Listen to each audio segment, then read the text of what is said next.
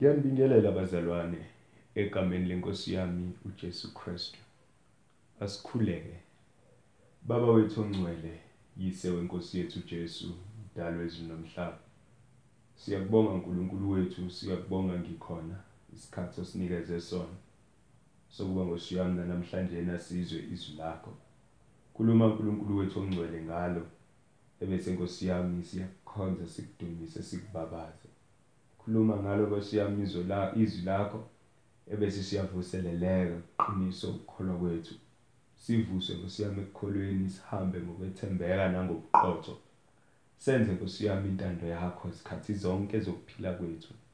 Egameni lika Jesu Kristu inkosi siyacela lokhu. Licacise Nkosi yami usiqondise nathi ngoKristu Jesu inkosi. Amen. Bazalwane namhlanje eh isifundo sethu noma izwi likaNkuluNkulu silamukela silifunda kuMahubo chapter 20 la sofunda khona uverse 1 wakhona sime kuverse 9 amahubo sahluko 20 verse 1 to verse 9 la kufundeka khona kanje. uJehova makaphendule ngosuku lokuhlupheka.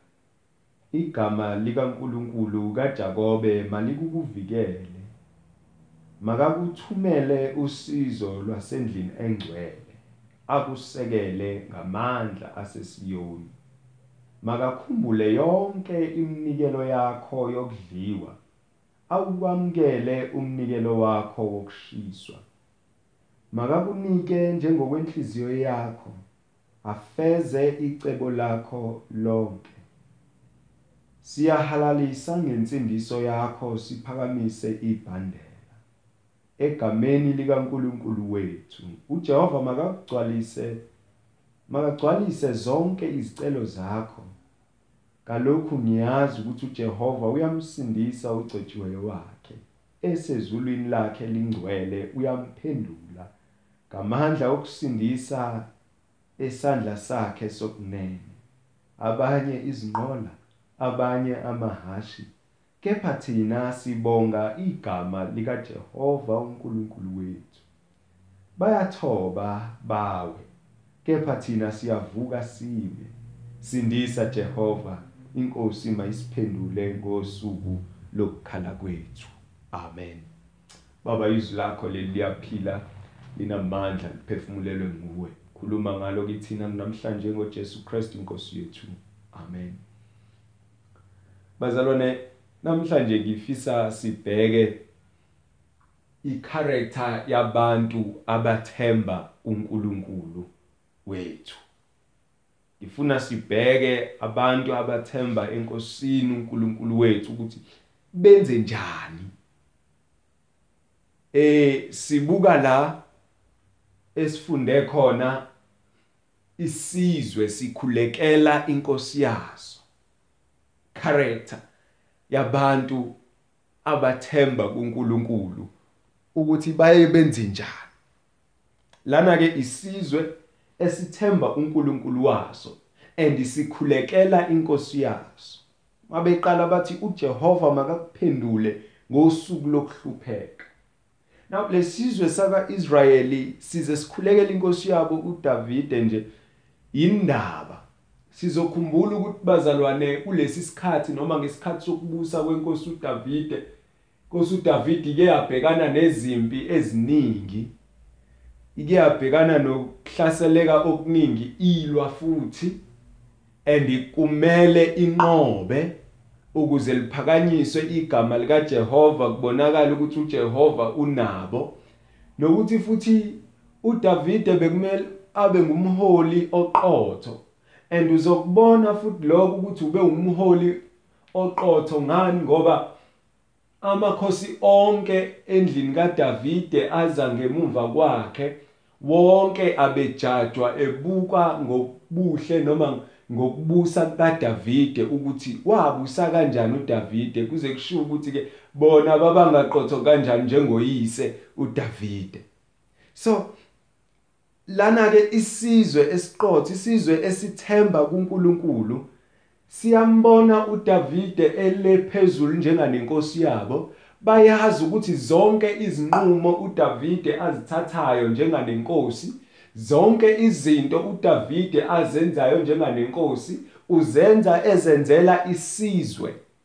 Uma ekwenza konke lokhu uDavide njenganenkosi ekwenzela isizwe ngakho udinga ukwenza izinqumo noma ukuthatha izinqumo eziphusile labantu ke benze njani? Bamkhulekela kuleli hubo lithi iBhayibheli isizwe bakhulekela inkosi yabo. uJehova makakuphendule ngosuku lokuhlupheka. Why bekwenza lokhu? Kungazi ukuthi eh bafunde ku 1 Timothy chapter 2 othi ngakho ke kuqala kukho konke ngiyayala ukuba ukunxusa nokukhuleka nokucela nokubonga kwenzelwa abantu bonke amakhosi nabo bonke abakhulu. Ukuze sihlale kahle ngokuthula nangokumesaba uNkulunkulu nangesizotha esipheleleyo ngathi ukuthi labantu baqonda lelo verse elapha ku1 Timothy chapter 2 ukuthi kumele ukuze bahlale ngokuthula bahlale nangokuqotho ukuze izinqumo ezithatheka ukuze konke ukuze inkosi ingazohlulwa ukuze inkosi isizwe singazochithwa. Bakhulekela ngazilinye inkosi yabo. Mhlambe lokhu ngikunake ngoba isikhathi esiphila kuso siyasiveza ukuthi singabazalwane mhlawumbe ikakhulu abawo I don't care. Sinabo ababusi abasiphathayo kuqala ezweni lethu. Kusuke kuye ngezigceme ngezigceme kufike emabandleni kuye emakhaya. Kodwa asibakhulekeli abaholi bethu kepha asibakhulekeli abantu abasiphethe. Sibathatha sibashayise okwabantu abanamandla. Singabanaki ukuthi impela bayidinga imikhuleko yethu.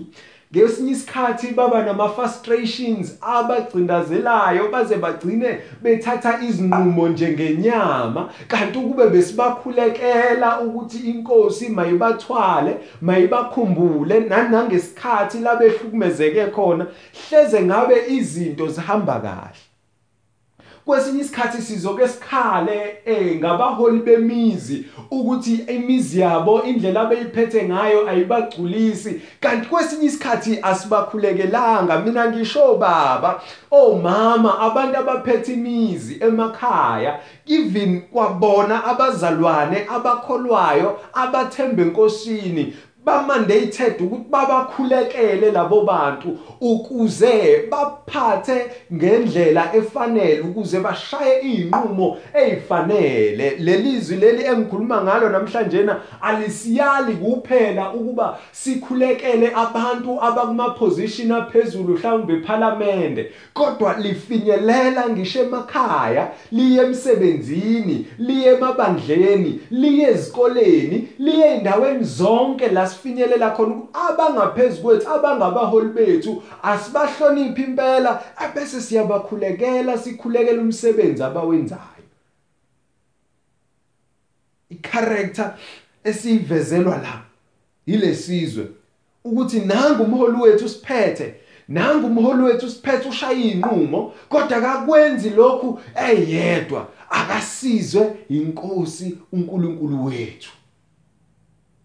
Angithi abantu abakholwa uNkulunkulu abantu abathemba uNkulunkulu bazigxilisa emthethweni kaNkulunkulu ebese bazigxilise nasemkhulekweni. Manje ke labantu ke bagxilile emkhulekweni ukuthi inkosi mayihambe ngomthetho kaNkulunkulu. Inkosi makayikhumbule uJehova ngosuku lwayo lokuhlupheka ngoba ngosuku lokuhlupheka kwenkosi kusho ukuhlupheka kwesizwe sonke. Ukuhlaseleka kwenkosi ukuhumiliate kwenkosi noma ukuhlazeka kwenkosi kuyobe kuhlazeka isizwe sayo sonke.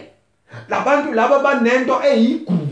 Ababambelele kuyona ubona ubuqotho bayo budipende ebukhulwini balo yamuntu uma amanye amakhosi egcogcoma ekhanda lalenkosi yabo kusho ukuthi eh leso sizwe sizobukelwa phansi ingakho bethatha leli thuba bethatha lesi sikhathi bekhulekela inkosi yabo benxusela inkosi yabo.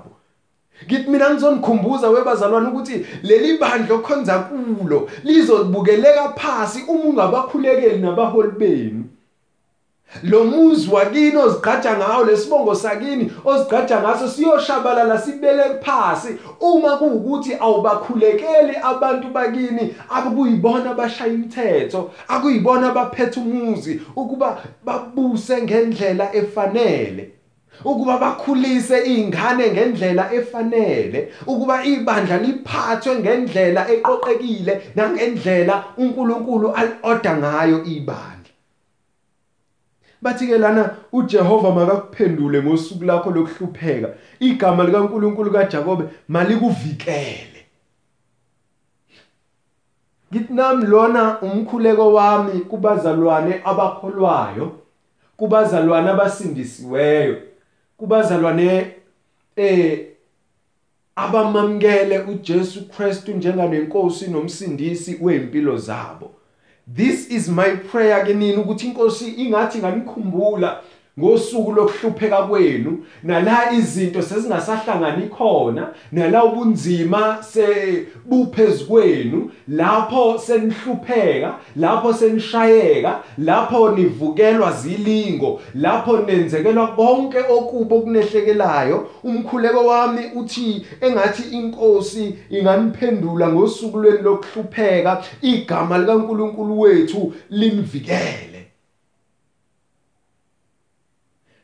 uNkulunkulu athuma usizo lokuba eh lunophule lanihlukumezeke khona lanicindezelwe khona kuko konke okunihluphayo kuko konke okunigqilazayo kuko konke okunishayayo kuumkhuleko wami ukuthi inkosi mayithumele usizo olungcwele.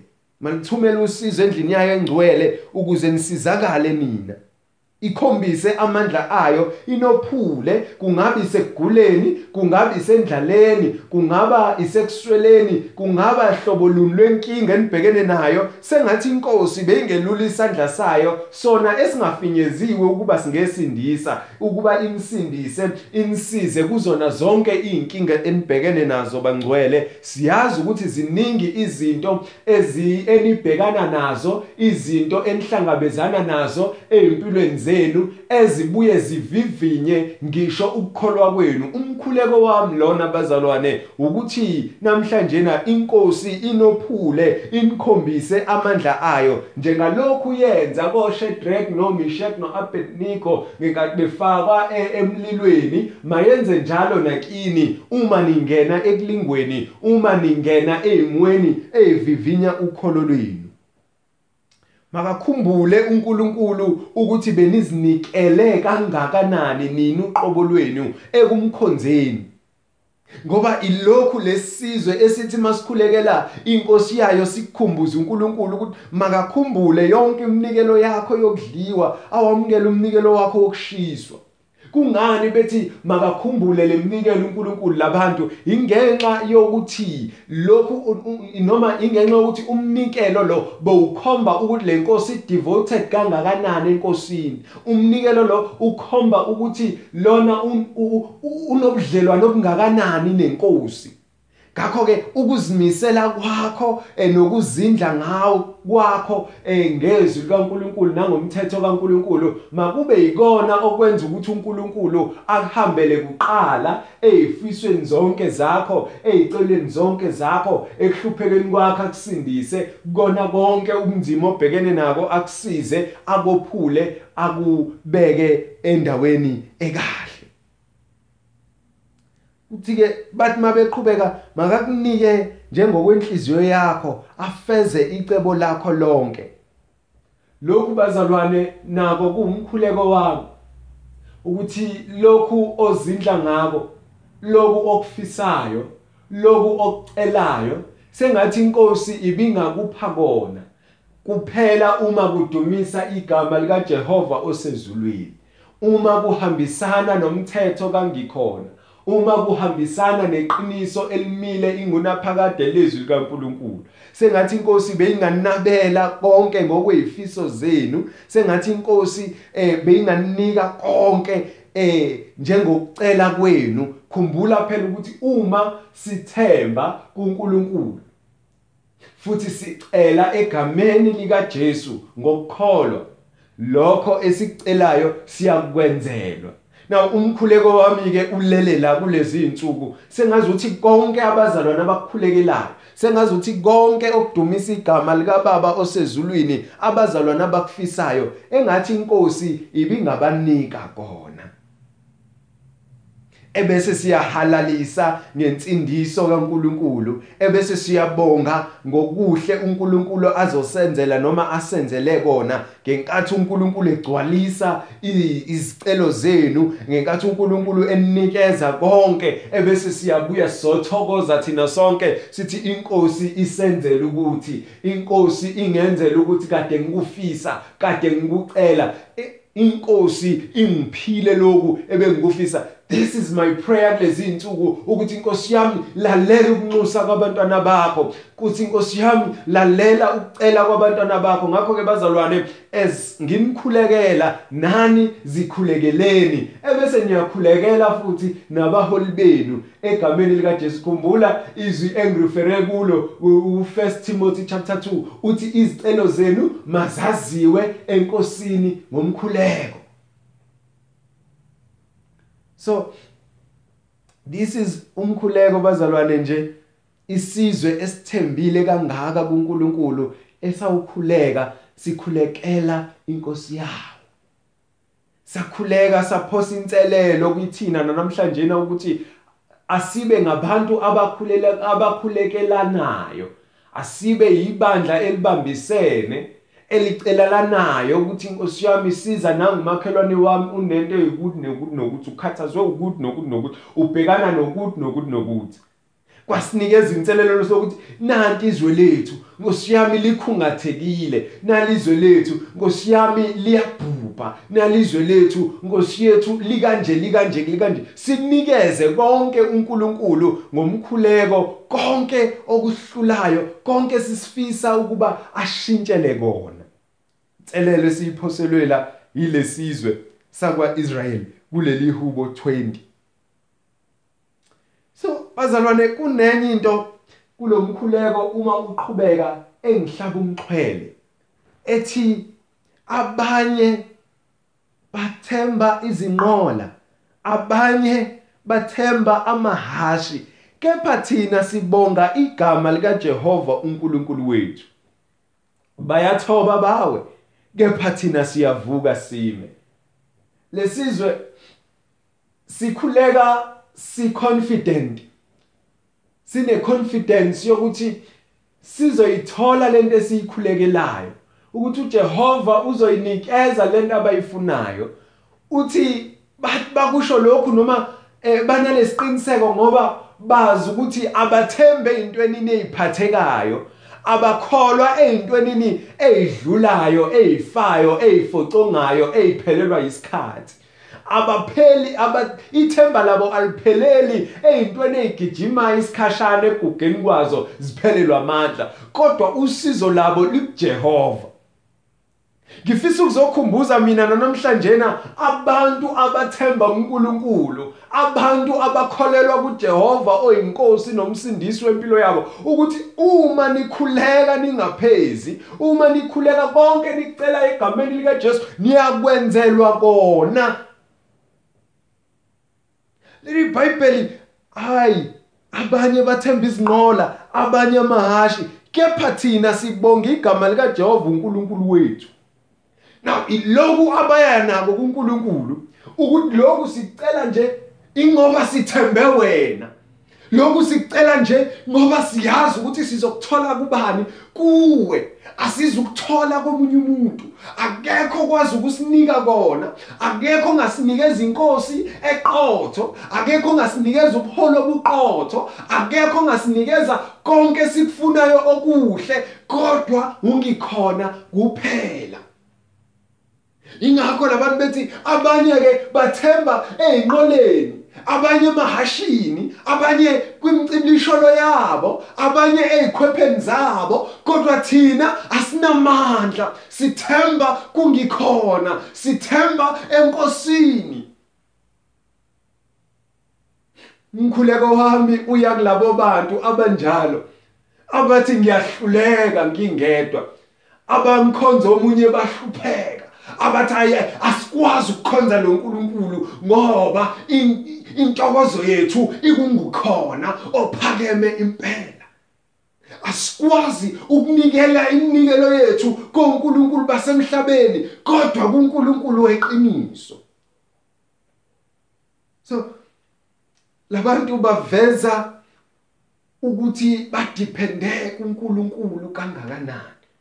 Labantu baveza ukuthi abathembile kubona abazithembile bona abazithembile ikhopha zabo abawathembile amazi amandla abo neze kodwa bathembe ungikhona. Baze bayasho ukuthi abanye noma bengathembe enqoleni ikakhulukazi noma ngathiwa impi iyasuka manjena noma bengaba namahasha agijimayo nemcibilisho le powerful kodwa thina sithemba igama likaJehova. And this is the confidence we need to have bazalwane. Kumele sibe nalesiqiniseko bazalwane sikholwa ungikhona sikholwa uNkulunkulu wethu ukuthi unamandla okusophula. Noma ngathiwa abanye baphethe izinto ezilikhali kangakanani ezingaba ingozi kangakanani kodwa thina sikholwa ongaphezulu. Sikholwa omdala weinsuku sikholwa wenzile izulu nomhlaba. Ngamanye amazwi noma kungavukana endleleni yethu noma ngaqhamukani endleleni yethu kodwa sinamandla okunqoba ngoba esikholwa nguye unamandla mukhulu loyo ngakithi kunaloyo osezweni. Uthi ke abanye bakholwa izinqola abanye amahashi kodwa thina sithemba. This is our prayer and this is my prayer. Ukuthi siya kungikhona sithemba yena. Esilahlile konke okunye eceleni sibheke yena njengomqalisi nomphelelisi wokholo lwethu. Ngamanye amazwi asilahleni onke amathemba sendulo asilahleni onke amathemba afayo asilahleni onke amathemba afecezekayo. Sibeke ithemba lethu kungikhona sikhuleke sinxuse sicele. Konke siyakucela egameni lika Jesu siyakwenzelwa kona. Usinikile uJesu ukuba ngoJesu sizuze konke sicelayo asiphe konke kanye nendodana yakhe. Asikhuleke. Siza kuwe uNkulunkulu wethu siza kuwe ngikhona siza kuwe. Nqaba yethu sithemba wena sithemba wena uNkulunkulu wethu ongcwele.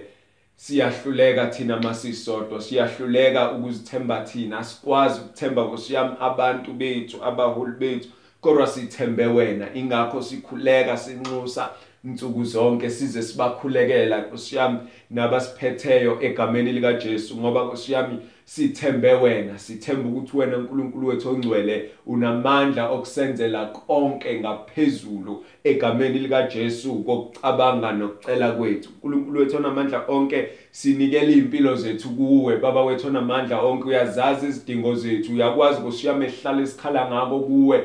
Imihla nemihla sizokukhumbuza namhlanje na kulwesithathu egameni lika Jesu ukuthi siyacela kusiyami siyacela ngikhona usizwe. Lalela ukukhala kwethu izwa unxusa kwethu ebese uyasophula egameni lika Jesu Kristu waseNazaretha usindise uNkulunkulu wethu sifuna ukukukhumbuza ukuthi sithembe wena kuko konke nkosiyami esibhekana nako kuko konke nkosiyami e, e, e, ongame endleleni yethu. Ithemba lethu linguwe futhi likuwe. Baba wethu ongcwele siyazinikela ke kuwe. Namhlanje naphinda ube nathi usiqondise egameni lika Jesu ebese ngosiyami uyasikhumbula ngosuku lwethu lokuhlupheka. Usinikeze ngosiyami okuyizifiso zethu ezidumisa igama lakho usezulwini. Thatha udumo nangalesi sikhathi nesibongo. Namandla nobukhosi kuze kube kuphakade. ngoJesu Kristu inkosi yethu siyakucela konke lokhu.